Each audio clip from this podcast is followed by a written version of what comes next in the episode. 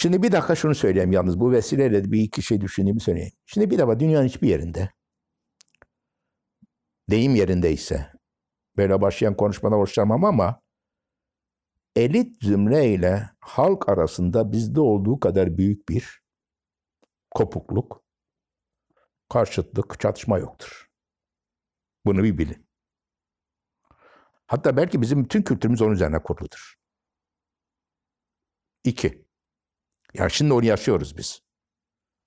Şimdi onu yaşıyoruz. Siyasette de onu yaşıyoruz. Unutma.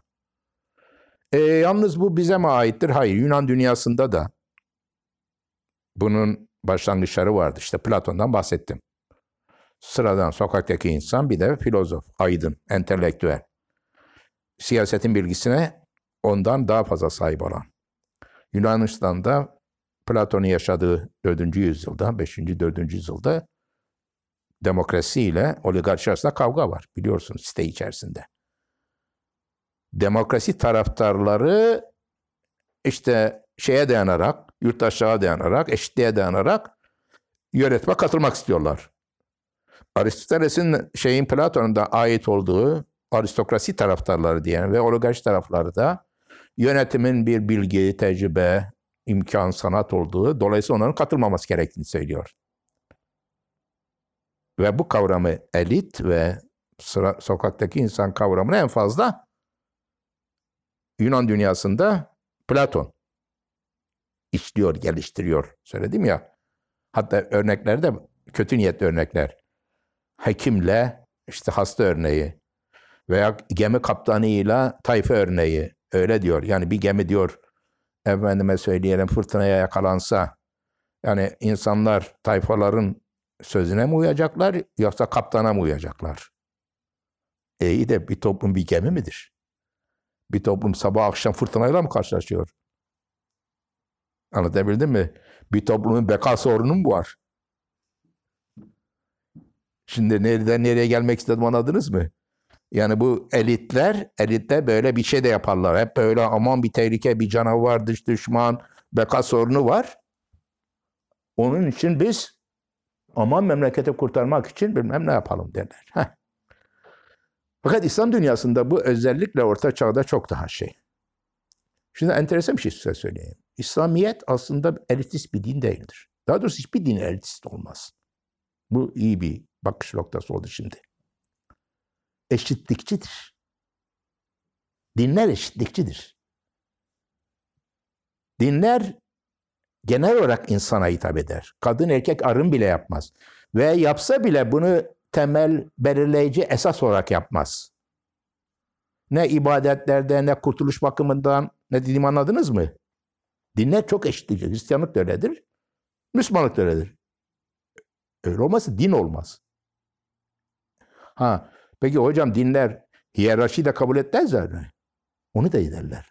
Bakın bu da enteresandır. Çünkü dinlerin birbirinden farklı fonksiyonları var. Şimdi dinler bir taraftan bütün insanların işte dini ihtiyaçları, kurtuluş ihtiyaçları, mutluluk ihtiyaçları, teselli ihtiyaçlarını, ölümsüz ihtiyaçlarını karşılıyorlar. Bir tarafta dinlerin çok daha önemli bir ihtiyaçları var. Büyük toplulukların kurulması için gerekli olan uysallaştırıcı, itaat ettirici kurallar koyuyorlar. Anladınız? Bak bunun ikisi birbirinden farklı şeyler. E şimdi itaat ettirici, uysallaştırıcı, düzene uyucu kuralları koyduğunuz zaman hiyerarşiye ihtiyacınız var. Başka türlü söyleyeyim. Yönetimi de meşrulaştırıyorlar. Dinler görevi o zaten. Bakın küçük dinler küçük toplulukları, büyük dinler büyük toplulukları yönetirler. İmparatorlukları. İmparatorlukları yönetirler. Yöneticiye itaat ettiriyorlar. Bakın İslamiyet'te de bu gayet güzeldir. Yönetici için ne diyor? Herkes itaat ettiriyor. Ulul emre itaat etmeli. Demek ki kademelendirici, hiyerarşici bir bakış açısı bu. Bazıları yönetici olarak bazıları yönetilecekler. Yönetilenler yöneticilere itaat edecekler. Halifeye veya cumhurbaşkanına itaat edecekler. Fakat öbür taraftan da cumhurbaşkanına diyor ki veya halifeye sen de işlerinde danışacaksın. Fark ettiniz mi? Demek ki hem hiyerarşiyi hem eşitlik duygusunu, temel eşitlik duygusunu. Çünkü solidariteyi de sağlıyorlar dinler. Yani dinler çok enteresandır. Bunları felsefeyle yapamazsın. Şimdi niye, nereye geldiğimi anladın mı? Dinler dedim ki elitist olmazlar. Dinler eşitlikçiler. Ama dinler o kadar eşitlikçilerdir ki demeyeceğim. Çünkü o zaman da çok fazla eşitlikçi olduğundan itibaren de anarşi imk- imkanı ve ihtimal ortaya çıkar. Solidarite dersin ama anarşi demezsin. O zaman ne dersin? Hem hiyerarşi, itaat hem de dayanışma, sevgi, kardeşlik. Bütün Müslümanlar birbirinin kardeşidir. Demek ki bakın bu elitist bir görüş değil bu. Bu gerisiz bir görüş değil. Fakat felsefeler elitist. Özellikle Platon'dan gelen felsefe elitist. İslam filozofları da elitisttirler. Aslına bakarsan bütün filozoflar elitisttir. Bir bakıma. İslam filozoflarının elitist olduğunu biliyoruz zaten. Şimdi niye gülümsediniz? Celal Şengör'ü düşündünüz. Anlatabildim mi? Seçkin. İslam filozofları tarihi olarak söylüyorum. Aynen Platon gibi. Elitisttirler. Hatta şöyle derler. O elitistlikle onları şu noktaya götürür. Probleme götürür. Ee, filozofla peygamber aynı adamdır.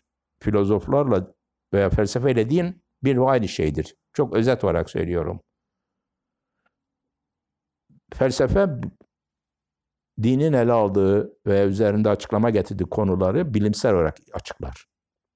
Din, felsefenin bilimsel olarak, kanıtsal olarak ortaya koyduğu şeyleri halkın anlayacağı bir e, şeylerle, mecazla, sembolle, şiirsel olarak ifade eden şeydir. Yani felsefe bilimdir, siyaset felsefesi de bilimdir, din şiirdir. Niye? E çünkü toplum ikiye ayrılır. Entelektüel olanlar, entelektüel olmayıp daha duysal, daha hitabi varlıklar. Halk. Halka cennetin akılsal mutluluk olduğunu filozofların bir araya gelip de heh, hatırladınız mı? Mutlu mutlu konuşacaklar şey olduğunu söylese ki İbn Sina da bunu söyler. Halk diyor ki ben ne yapacağım böyle bir dini? Şey yok mu? Huri yok mu? Huri. Anlatabildim mi? Yani filozofların bakış açısı biraz böyle. Filozofların bakış açısı biraz yani. Elit, hatta bunun Arapça adları vardır. Havas, avam. Havas, avam. Yani seçkin, sıradan insanlar. Sıradan insanlar için din, seçkin ne için? Felsefe. Sıradan insanlar için şiir, havas için bilim. Bundan şu sonuç çıkar. Çok özetle anlattım şimdi size. Din, bilimin halk için uyarlanmış, adapte edilmiş aşağı dereceden bir şeyidir. Efendime söyleyeyim, görüntüsüdür. Dinin yukarı düzeyden, entelektüel bakımdan parlak olan görüntüsü ise bilimdir. Al sana. Şimdi böyle bir şey, böyle bir şey benim kanaatime göre devam ettirilemez bir ikilemdir bu. Her bakımdan. Ahlaken doğru değildir. Çünkü bunu yaptığınız zaman işte her türlü ayrımcılığa yol açarsın.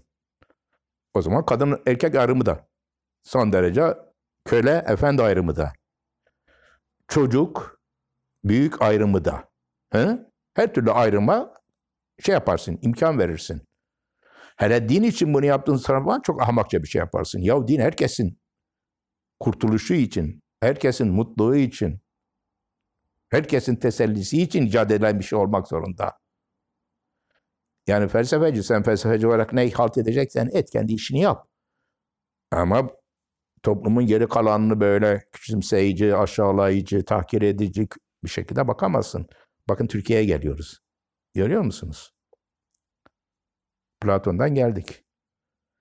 Benim bu cümlelerinden çıkan sonuç şu olacaktır. Demokrasi.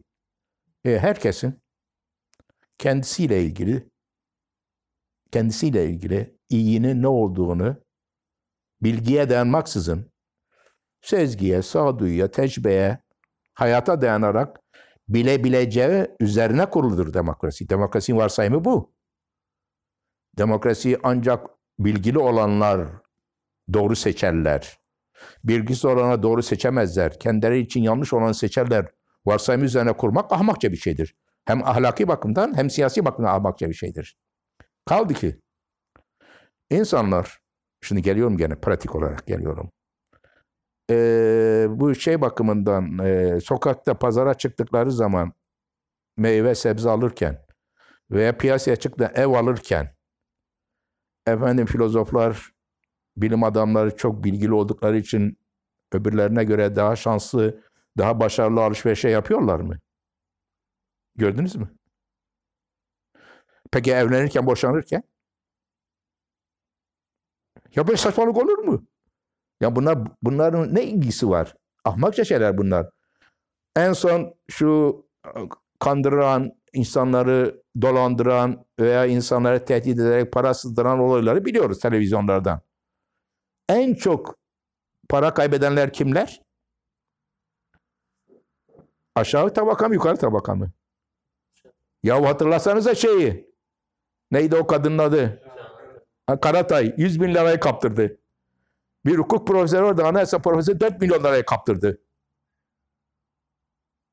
Gördünüz mü? Ne dediğimi anladınız mı? Yani insanlar böyle normal gündelik hayatta alım, satım, alışveriş, evlenme, boşanma, eğitim konularında hiç böyle elit ve avam ayrımını yapacak derecede farklı mı davranıyorlar? Veya kimin kimin daha fazla kanması, yanlış karar vermesi ihtimali daha yüksek? Aydınların. Onun için ben bir, şöyle bir cümle derim. Bir kabile ne kadar çok profesörden meydana geliyorsa başarı şansı o kadar azdır. Şaka bana etmiyorum. Yazdım ben bunu. Gayet tabii. Hayat başka bir şey. Hayat başka bir şeydir. Kısaca benim için, felsefe için de söz konusu. O zaman doğru olan şu. Herkes bir defa bazı konularda özellikle hayatla ilgili, bakın hayatla, pratikle, evlenme, boşanma, çocuk, seçme konularda kendisi için doğru olanı seçebilir. Bunun tersini gösteren hiçbir olay yok dünyada. Anlatabildim mi? Avam denilen grubun öbürlerine göre kötü tercihlerde bulunacağını gösteren hiçbir şey de yok. Yani sadece bizim seçimlerimizde değil, dünyada hiçbir yerde yok. Veya işte o elit denilen grubun Sovyet Rusya, öbür demokrasilere göre daha başarılı siyasette sonuçlar olacağını gösteren de bir şey yok. Sovyet Rusya rejimi elit rejimi değil miydi evladım? Komünist entelektüel rejimi değil miydi? E ne oldu? E battı. Öyle de bir şey yok. Demek ki ama bundan dolayı da tutup da canım elitle, seçkinle, okumuşla, okumamış arasında bir fark yoktur diye ahmakça bir şey söylemende bir anlamı yoktur. Bizim konumuz başka bir şey. Biz pratikten, hayattan, siyasetten, seçimden bahsediyoruz. Ama insanların tabii ki eğitilmeleri, kendi hakları, hayatları hakkında, toplum hakkında, iyi ve kötü hakkında daha bilinçli karar vermelerini sağlamak için eğitilmeleri gereklidir. Anlatabildim mi? O ayrı mesele. Buna birbirine zıt şeyler değil. Bu felsefe için de geçerlidir. Bilim için de geçerlidir. Şeye inanmıyoruz artık değil mi? Yani kimisi doğuştan akıllı, kimisi aptal, Arap'ın aklı yoktur, kadınların bilmem nesi yoktur. Bunlar ahmakça şeyler. Anahtar biyoloji değildir, kültürdür. Anahtar kültürdür, biyoloji değildir. Anladınız mı ne demek istediğimi? Yani bir toplum başka bir topluma kültürel bakımdan daha zengin, daha başarılı olabilir. Ve bunun da ne şeyle ilgisi vardır, e, ne derler, e, genlerle ilgisi vardır, ne de kanla ilgisi vardır. Benim kanaatim budur. Hiç şey yoktur bunun. Biz doğal varlıklar değiliz evladım. Onu da sana söyleyeyim. İnsan doğal bir varlık değildir. İnsan kültürel bir varlıktır. Maymun doğal varlıktır. Maymun bundan bilmem 10 milyon yıl evvel neyse şimdi o. Ama bak ben bundan 50 sene belki de farklıyım. İnsan kültürdür. İnsan kültürdür. Biyolojinin hiç bilgisi yoktur bu işte.